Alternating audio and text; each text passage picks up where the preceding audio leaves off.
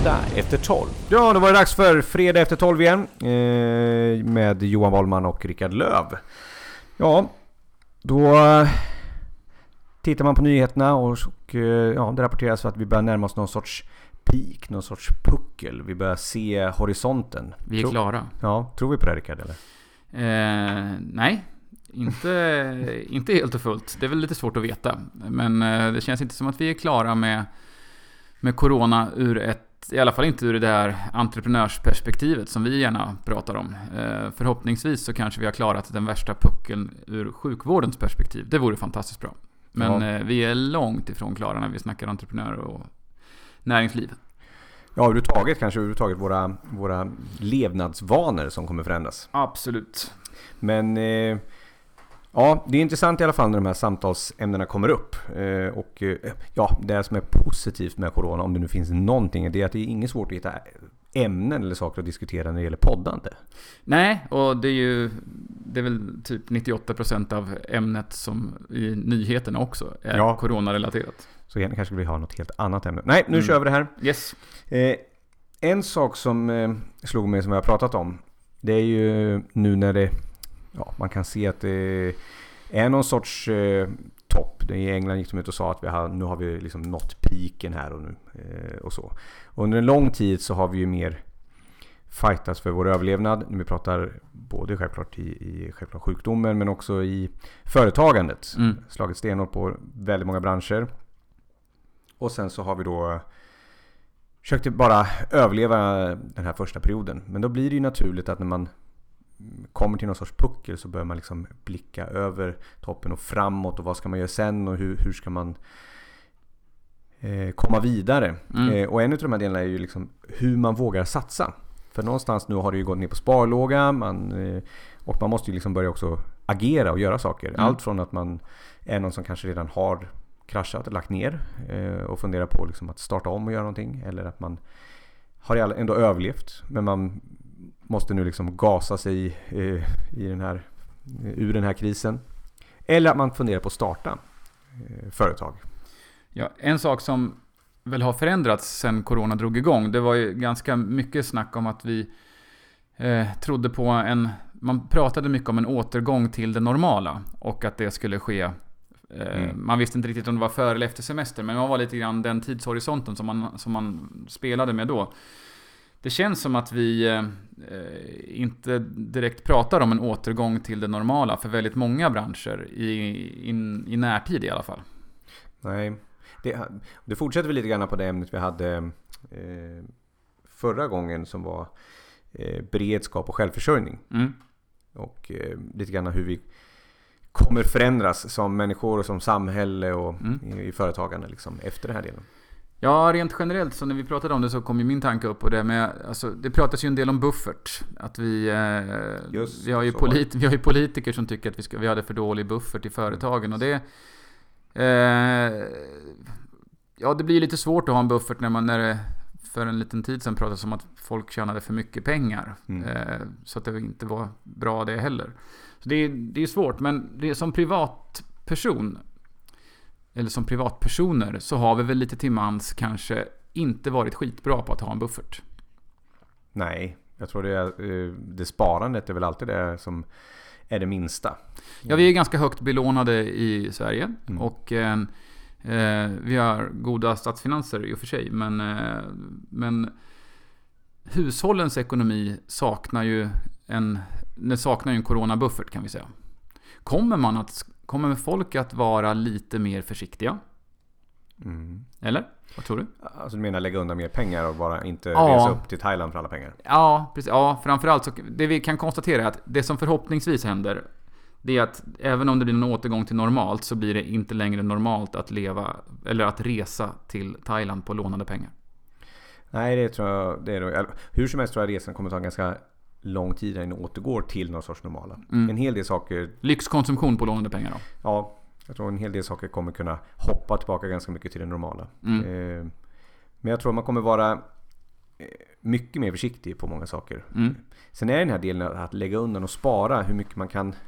Det, ja, det är frågan hur mycket marginaler det finns på, på att lägga undan och spara. Och hur mycket vad liksom, den nivån ska vara på något sätt för att kunna på något förutse sådana här kriser och hur lång tid man ska... Mm.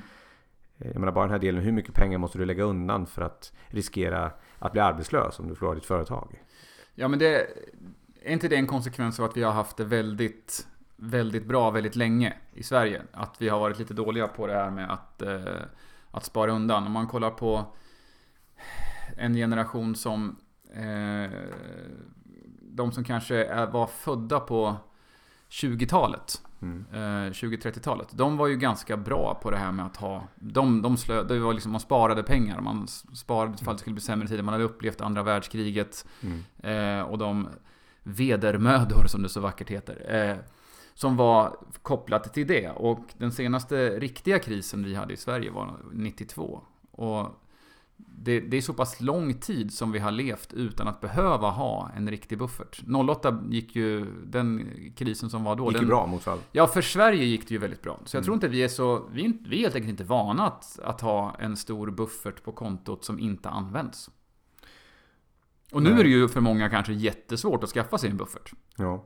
Men, och, men allt det här hänger ihop liksom. För att eh, eh, även om man som, som privatperson individ ska liksom skapa en buffert så krävs det att man har ett jobb Mm. där vi tjänar en lön Mm. och kan få pengar för att skapa en buffert av. Precis. Och här är ju också en, en intressant faktor. Vi upplever ju nu, i alla fall vad de prognostiserar, den eh, högsta arbetslösheten sedan eh, liksom 30 sen depressionen. Liksom. Mm. Eh, och inte bara här i hela världen, så att det är inte bara att vi åker till ett annat land. Och, Ja, det är väl också lite unikt. Lite. det har ju liksom, de flesta kriserna har, väl, har ju, även om de har varit så stora och kan anses ha varit globala, så har de ju har de inte drabbat alla länder. nej. Och alla världsdelar i stort sett samtidigt som det här eh, verkar göra.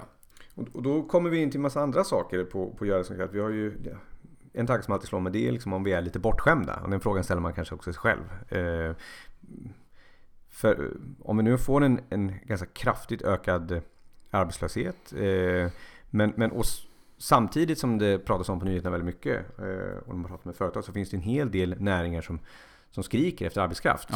Ja. Eh, och många utav dem är ju där vi faktiskt har tagit in arbetskraft Mm. varje år Mm. i tusental. Mm. Eh, man nu kallar man de här de gröna näringarna, men ja. Plocka jordgubbar, plocka bär, svamp, eh, Sätta plantor. sätta plantor i skogen och göra sånt som kanske inte är så här trevligt, enkelt och glassigt. Utan Mm. det är ganska slitigt och det är kallt och det är blött och, det, och, och kämpigt liksom. Och det är inga eh, topplöner. Det går inte att vara liksom 21 år och säga att man ska ha ingångslön på 38 000. Det är ganska långt ifrån influencer. Ja, det är ganska långt därifrån. Eh, och den här är en ganska intressant fråga vad som, som kommer ställas för krav. Eh, både på de system vi har och en mängd andra saker. För Och på liksom- människorna som Ja, behöver systemet. eh, jag tror jag såg igår att man hade en prognos om att det kommer vara ungefär en 500 000 arbetslösa i Sverige någonstans här fram till sommaren. 500 000 nya. Var det 500 000? Eller? Ja, Att det var 500 000 arbetslösa? arbetslösa. eh, om Okej. Jag, förstår. jag vet faktiskt inte. Det, det, vi får kolla upp det. Vi får skicka våra Här har vi en dålig Gransk faktagranskning. ja, faktagranskare. Vi skickar ut faktagranskarna. Ja. Eh, men samtidigt är det ju också då så att det, det, det saknas massa arbetskraft. Mm. Frågan är, är vi villiga att gå ut och ta det som krävs för att försörja oss och kunna skapa våra buffertar?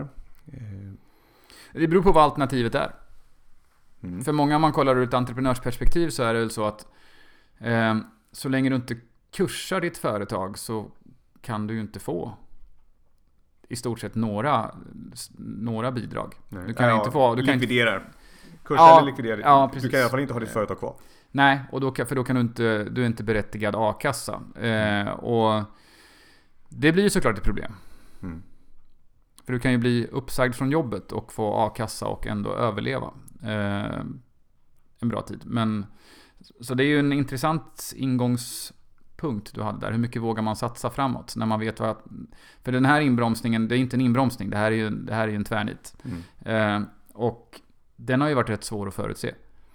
Ja, den vi ner som en... Men tittar man hur det ser ut så resultaten för många företag så var ju januari, februari i år 2020 väldigt bra för många företag. Mm. Jag menar, vi har haft ganska många bra år men det var liksom en riktig boost och sen Mm. så kom det här som en surprise. Men det är lite grann det här mm, ingångsuttryck som jag hade att eh, vågar man satsa? För det eh, Tittar man sedan 90-talet så har vi haft de flesta, fyra av fem jobb har ju skapats eh, i småföretagen. Mm. Alltså de företag som är mindre än 50 anställda. Eh, och det är också inte de som har haft möjlighet att lägga undan mest på sparkonton utan de har drivit sina företag från liksom månad till månad, år till år Mm. liksom, och haft det som verksamhet. Eh, Medan till exempel Skillnad mot storföretagen som har haft, kanske haft möjlighet att göra lite större utdelningar och, och se till att tjäna pengar till, till sina ägare. Precis. Eh, och om det nu är så att då småföretagen har, är de som har hela tiden sett till att tillväxten på arbeten att få har varit den delen. Det är också de som har lidit mest skada i den här krisen. Eftersom de har haft eh, svårast att hänga med. De har haft, inte haft några, några buffertar att kunna använda. Och då kommer den här stora frågan till nästa fas nu när man då ska börja satsa igen. Alltså hur mycket vågar man satsa? Men tittar man på att starta företag, som båda har gjort eh, och de flesta som har gått den resan så är det ofta en ganska stor risk i början. Eh, Det spelar ingen roll vilken affärsidé man har. Det är väldigt få som är hängslen och bälten. Mm. Man riskar ofta egna privata pengar för att satsa. Man, och för att börja anställa en otroligt stor risk. Eh, Det har man pratat väldigt länge om. Oh ja. Eh, speciellt med hela den här ja, arbetsmarknadsstrukturen som är. Som är liksom gjord för 50, 60, 70 år sedan. Eller när det är, kan inte de exakta datumen Ja, heller. men det är inte gjord i den är- nutid. Den är ju byggd för, för eh, en, en eh, struktur som handlar om stora för att man är Industri. anställd på stora företag, gärna Ja. industri, Ja. exporterande industri också. Som tjänar rätt bra pengar. Och här är också den här delen då när det, när det kan ändras så fort. Det har vi ju liksom aldrig varit vana vid. Vi har sett lågkonjunkturer komma någorlunda men de har inte slagit ner som en blixt från klarblå himmel på något sätt. Som har, har eh, Nej, stoppat allting. Men vad blir det då? Om vi tänker oss att det blir... Folk blir lite mer tveksamma till att satsa. Eh, just för att konsekvensen, så priset om det inte funkar är ganska högt. Mm. Och vi har i 30 års tid haft tillväxten i näringslivet på de små företagen. Det vill säga att någon ändå vågar satsa. Mm. Om, för det första då så kan vi ju räkna med att ett antal av de här företagen inte kommer att klara krisen. Så vi kommer ha färre småföretag. Vi, jag kollade det där för ett par veckor sedan. 1 150 000 eh, företag. Eh, med, då var det färre än 10 anställda i och för sig. Så Mm. det är ju, räknar vi 50 är det ännu fler. Men vi tappar några stycken av dem. Några hundratusen kanske. Mm. Så bara där så har vi ju minskat tillväxtkraften ganska mycket. Om det inte startar nya företag för att folk inte vågar. Vad händer Ja. då? Ja, både den delen att inte våga, precis, och både den inte våga starta men också den delen som vi pratade om att man kanske känner att nej, men vi törs inte satsa. Att, att, att våga anställa är ofta en risk. Mm.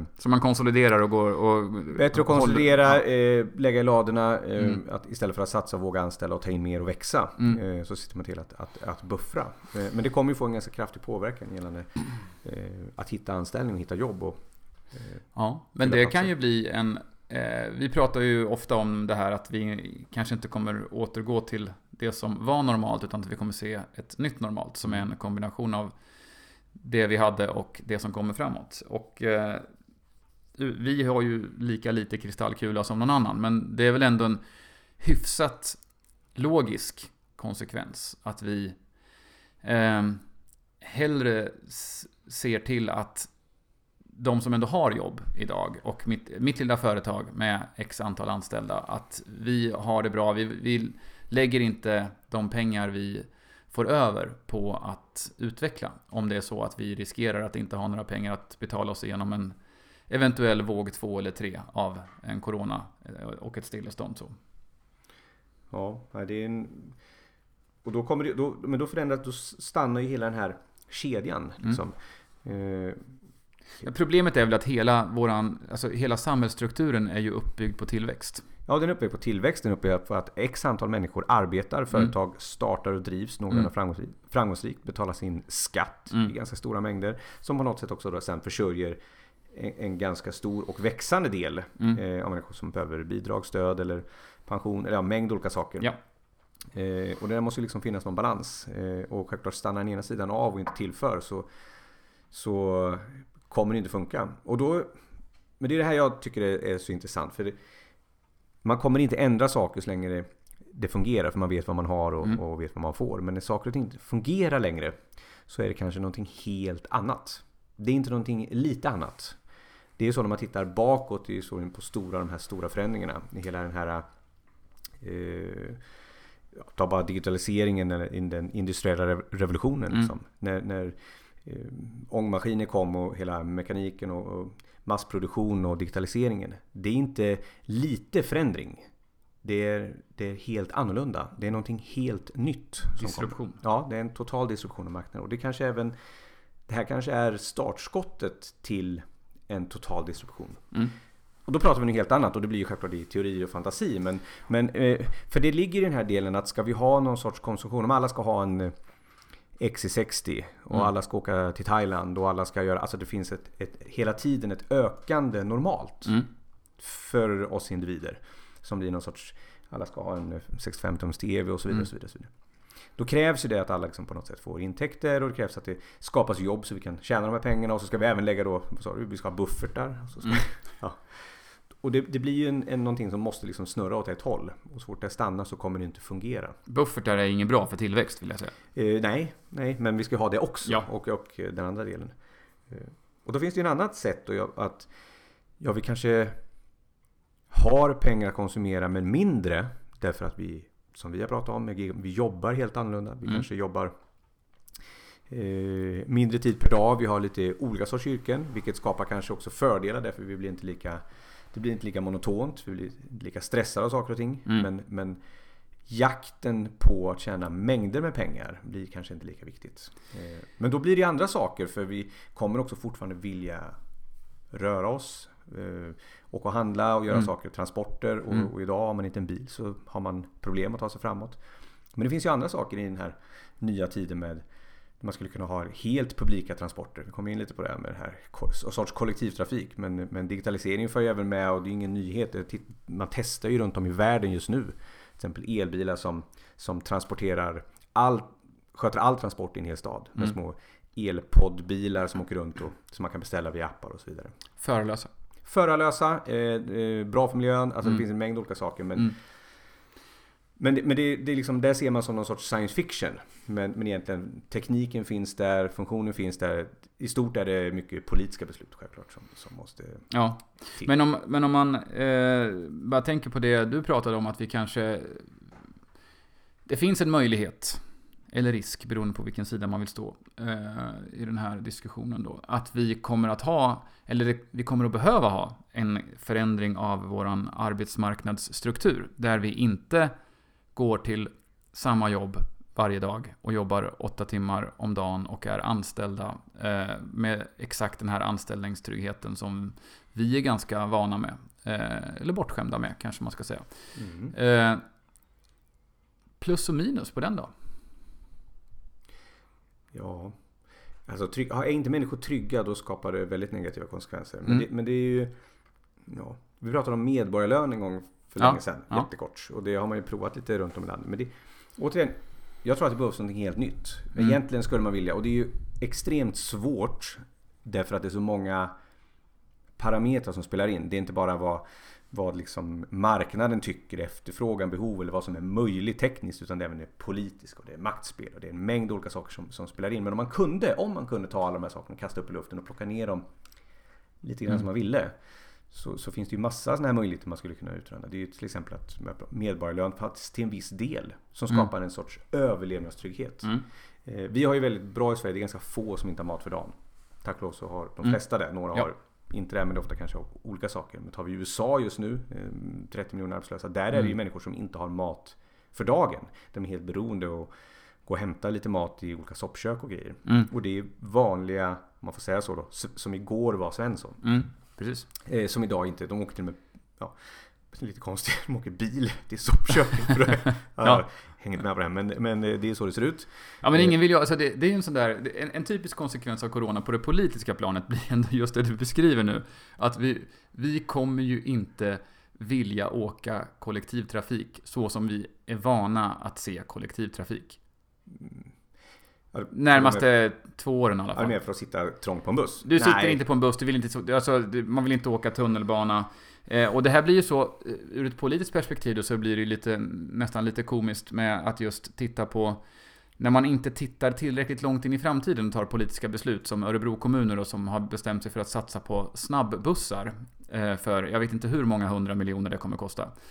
Eh, och för oss medborgare så innebär det ju såklart att det kostar pengar och de här bussarna kommer ju gå i vanlig ordning som solstrålar utifrån och in till centrum. Mm. Eh, problemet med det är väl bara att de flesta personer inte vill transportera sig från förortsområdena, alltså ytterområdena, in till centrum. För att centrum, för det första är handeln ganska utarmad i centrum och de flesta jobbar inte där. Utan du ska någon annanstans. Mm. Så det är ju ett fruktansvärt ineffektivt system att frakta folk. Ja, det är Och dessutom egentligen- så ska du utsätta dig för den, här, för den här risken att det sitter folk som är sjuka. Jag tror vi kommer ha betydligt större eh, rädsla och respekt för människor som sitter och hostar och, och fräser på en buss. Även om det eh, även lite längre fram. Mm. Ja, men, ja, och det är så en det intressant fråga. är Om man, en kunde, total felprioritering kan vi om säga. man då kunde leka med tanken om man kunde liksom styra och kontrollera det här som en liten sorts Sims, eh, ja, det är Mm. programmet Sims, om vi Mm. kunde skapa den här världen lite grann som vi vill ut efter egna fingrar.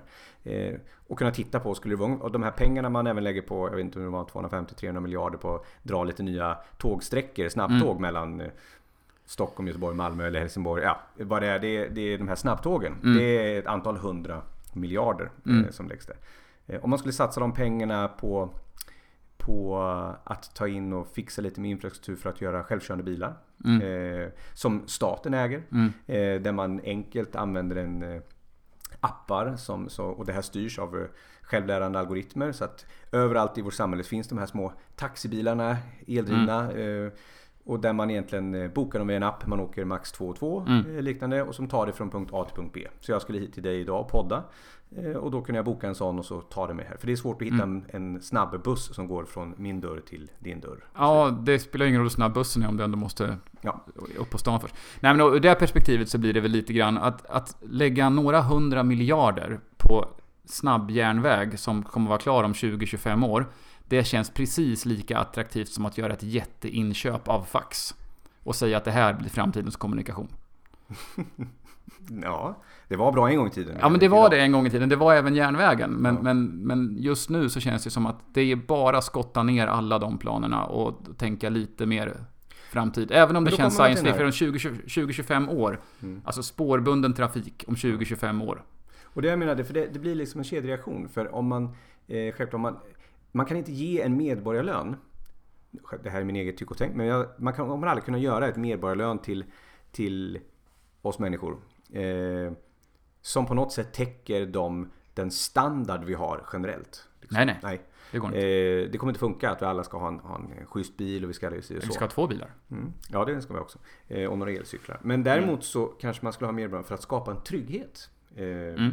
Det man vill ha sen utöver eh, den delen kan man ju välja utefter att ta olika jobb. Korta, små, Mm. nära. Eh, kan vara periodvis, det kan vara säsongsjobb. Det kan vara att plocka jordgubbar som det behövs Mm. mycket folk till nu. Eh, där man styr den delen mycket efter sin egen insats. Så eh, men Medborgarlönen täcker basala behov, det är så du Precis. tänker? Alltså det är tak över huvudet, mat i magen och basala värme. Som många ser som att vi måste ha en bil för jag måste kunna ta mig till jobbet varje dag. Mm. Det är det som pratas om mycket. Mm. Men då kommer jag också in till den där delen med infrastruktur. Ja, men om, om det fanns till exempel självkörande taxibilar som kostade ganska små summor för att ta mig från punkt A till punkt B. Så ta mig till det där jobbet så att jag kan genomföra det. Mm. Kunna ta mig hit, jag kan åka och handla och så vidare. Ja, då kommer jag tro en ganska stor del av eh, oss medborgare inte behöva ha till exempel bilar som kostar ganska många tusen i månaden om man lägger ihop drivmedel och försäkringar och avbetalning och så vidare. Nej, då kan du åka eh, förarlös eltaxi för de pengarna. Eller ja, du kan åka Eh, väldigt mycket förarlös eltaxi för Ja. de pengarna. Eh, om man tittar på en mängd saker utav, från samhället därifrån så tror jag man kan hitta nya sätt. Men det Mm. krävs ju självklart det är gigantiska förändringar. Men, Mm. men återigen, den stora frågan är kommer man kunna gå tillbaka exakt till där det var? Eller kommer, är det början på något nytt? För det är också den här delen, det kräver ju egentligen, och det kommer ju till den här delen att Ska det gå tillbaka dit det var så krävs det också hela tiden att det vågas satsa. Mm. Eh, och det är ju det som är den stora frågan. Och Kommer ständig det, tillväxt. precis, kommer det finnas fler jobb, nya jobb hela tiden med ökade löner eftersom Mm. eh, den trappan växer hela tiden. Eh, kommer det finnas företagare, några kommer alltid våga satsa, men Mm. kommer den tillväxten på antal entreprenörer eh, finnas där? När, med tanke på att ha det här i bakhuvudet. Eh, om det vore självklart att man alltid gjorde vinst och tjänade massa pengar vore enkelt men de flesta utav företagen i, i Sverige eh, liksom har från hand i mun från månad till månad hela tiden. Ja, och det som gör att många kan starta företag också, det är väl just att vi har haft en, eh, vi har en ganska bra grundtrygghet i, i det sociala skyddsnätet. Att du vet att blir du sjuk så får du hjälp. Eh, och eh, man kanske har en, en partner som har ett fast jobb och du, du kan välja att leva på en lön under första året. För det är väl ändå så att de flesta företag är inte lönsamma år ett. Så att du, du har lite grann, vilket gör att har du en tanke, en idé så vågar man starta. Mm. Men om vi säger att den generella ekonomin för folk känns, är sämre. Känslan av att det är sämre. Mm. Och att vi eventuellt som en konsekvens av det här måste göra nedskärningar i, i våran välfärd. Ehm, då blir det nog självklart så att ett gäng av dem som tyckte att de faktiskt vågade ta steget över kanten kommer att bli tveksamma. Mm. Men som du säger, det kommer alltid finnas de som vågar. Ehm, men de skulle göra det helt utan skyddsnät också. De riktigt tuffa killarna och tjejerna. De, ja, det kommer alltid vara de som, mm. som, som vågar satsa. Jag, jag, jag, ska säga, man får väl hylla alla entreprenörer som vågar satsa. Det är få som satsar på någonting som är helt glasklart. Mm. Det är alltid en risk och det är självklart några som jag brukar säga satsar med pappas pengar. Jag hoppas ja, du förstår vad jag menar med det. satsa med någon annans pengar. Ja. Eh, men eh, det är också väldigt många som, som tar lån på sitt hus och egentligen lägger mm. allt på ett kort. Kliver mm. ut längst, längst, längst ut på, på den där lilla mm. brädan. Och hoppas på att det håller liksom. Mm. Eh, och chansar. Eh, och det krävs mod i alla de delarna. Mm.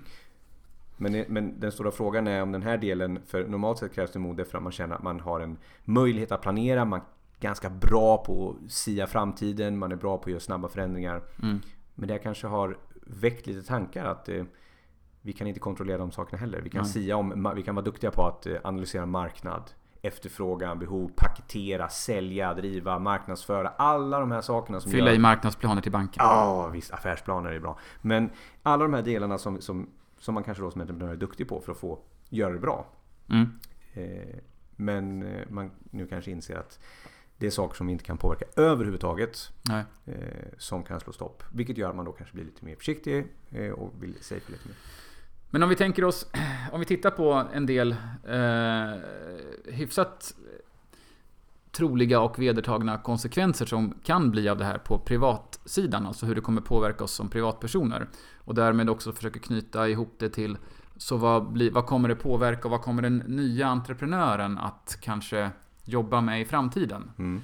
Eh, så så det, det, man pratar om just nu så är det väl att vi kanske blir lite bättre på det här med att handla lokalt. Och mm. även att därmed så kommer det också behövas mer lokal produktion. Mm. Och då är vi ju kanske främst inne på saker som livsmedel och sånt där. Det blir lite mer intressant att eh, ja, Sverige var ju självförsörjande på spannmål, socker och morötter. Mm. Sjukt trist kost. Vi, vi, kanske måste ha lite mer eh, närproducerat. Det kan ju vara en sak. Och om vi säger att det slår igenom med andra saker, att vi kanske inte behöver ha två bilar i ett hushåll, utan vi kanske klarar oss med en, för det finns publika transportmedel som inte är eh, en buss innehållandes 50 personer, utan några andra saker. Så vad tänker vi oss då? Att, liksom, vad, vad tror du Johan? Vad, kommer, vad, vad kan nya entreprenörer... Kan man, kan, man, kan man tänka någonting ur de parametrarna liksom? Hitta ett nytt sorts entreprenörskap? Ja, eller egentligen att man kanske jobbar med andra saker. Kan, vi, om det blir en konsekvens av det här med Corona, att vi blir lite, det blir lite mindre, om vi ska kalla det för lyxkonsumtion. Mm. Eh, och lite mer åt det, åt det basala hållet.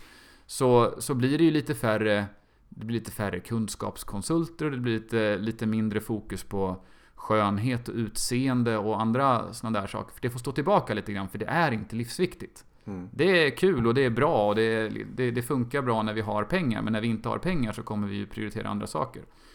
Om vi då tittar på lite, med lite distans också. Du, du pratar om medborgarlön. Jag har en tanke om att vi kanske inte kommer jobba lika många timmar för att fler personer behöver dela på de jobb som finns och så vidare. Mm. Vi får lite sämre standard, vi kommer handla lite mer lokalt, vi kommer vara lite mer här och nu och lite mindre yta och glamour. Vad ska man satsa på?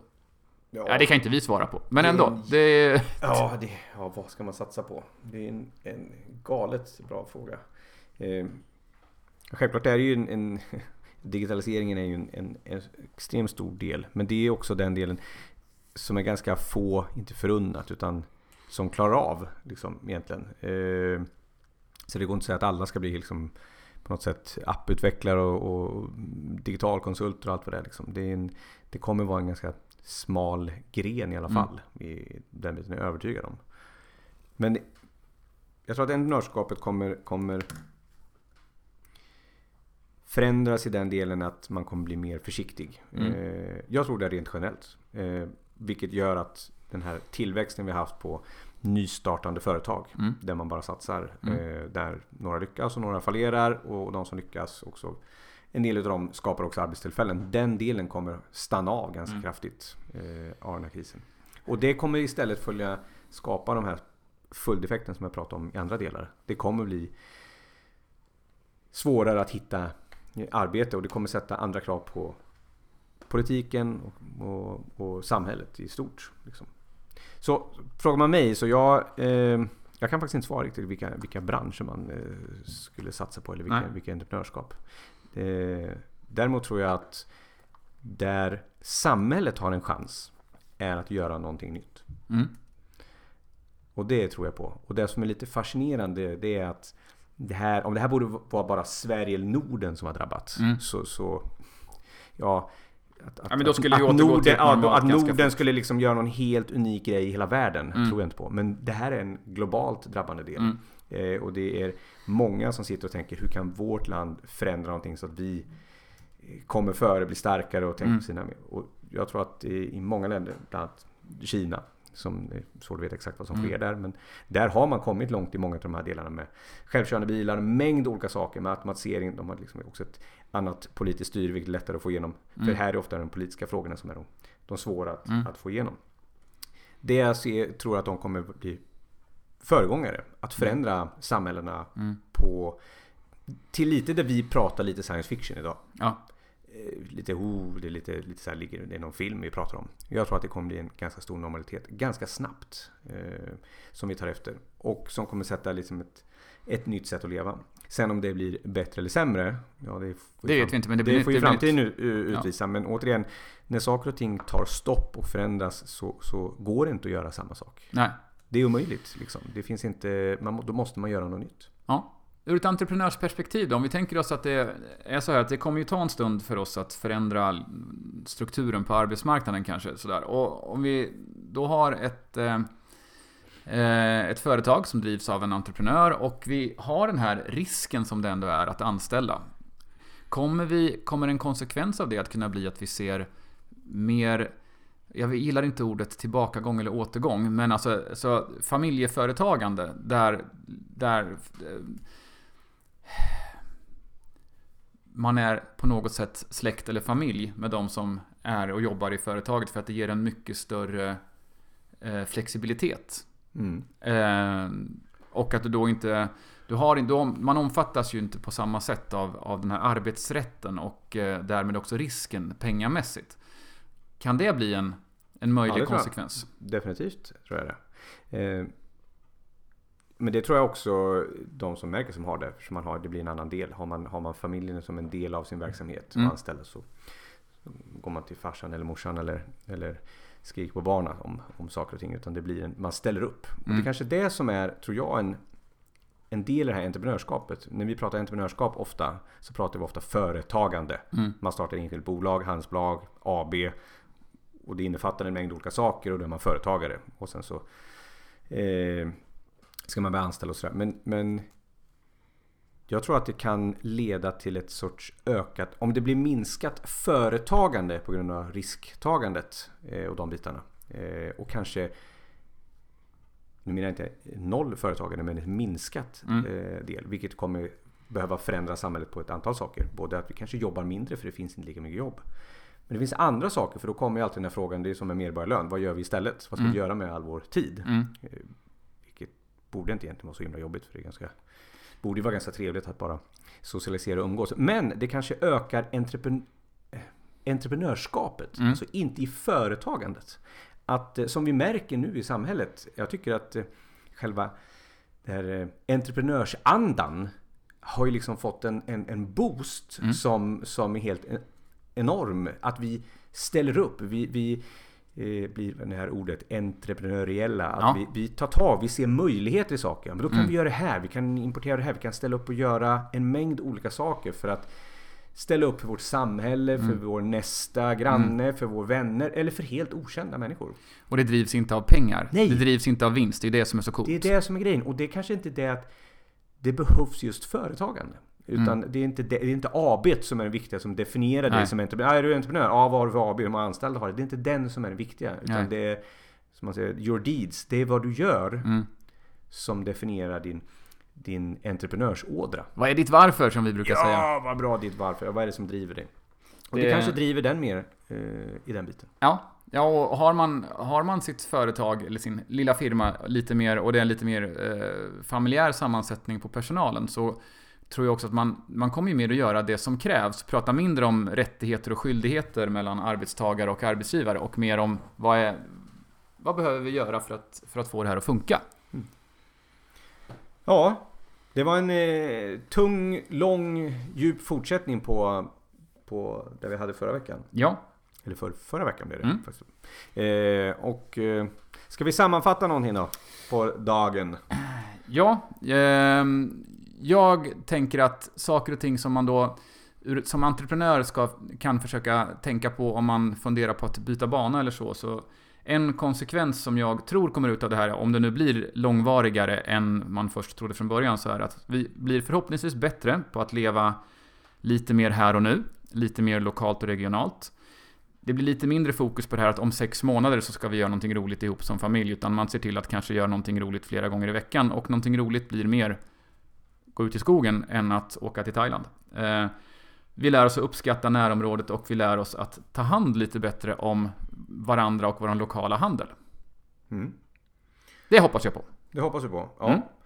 Jag tror att nu när vi kommer över den här eh, piken, om det nu är över den och vi börjar blicka framåt, så tror jag att eh, den stora frågan om vi kan gå tillbaka till så som det var. Jag tror att vi kommer försöka. Eh, men jag tror det kommer visa sig runt om i världen att det är ganska korkat. Mm. Eh, därför att det har visat att vi är väldigt sårbara eh, och att massa system och grejer fallerar. Eh, och jag tror att man ska ta tillvara på den här möjligheten att göra någonting nytt. Mm. Det kommer krävas enorma förändringar. Kanske nu när man tittar på det känns helt omöjliga. Men politiska, samhällsmässiga, strukturella och en mängd andra saker. Men eh, det har alltid varit så när man har tittat i science fiction, lite grann Star Trek på 70-talet och alla de här delarna när man blickade framåt och när man såg ofta i den här science fiction så det här samhället där vi inte drivs av eh, girighet och andra saker utan vi drivs av något annat och vi har med teknologins hjälp och andra sätt kunnat skapa ett samhälle där det är lite mer ro och lite mer känsla. Kanske lite mer varför. Mm. Eh, och den science fiction finns ju även nu. Och jag tror att eh, potentialen för att kanske ta det här språnget dit eh, finns just nu. Eh, där incitamentet att göra det eh, kommer av den här krisen. Så det tror jag på. Jag som digitaliseringsnörd så tror jag att det kommer vara nyckeln till att öppna Mm. de där dörrarna. Härligt. Värdiga slutord. Vi ehm, tackar för oss och önskar en trevlig helg. Ha en trevlig helg. Det är gott. Hej! Hej då! Fredag efter 12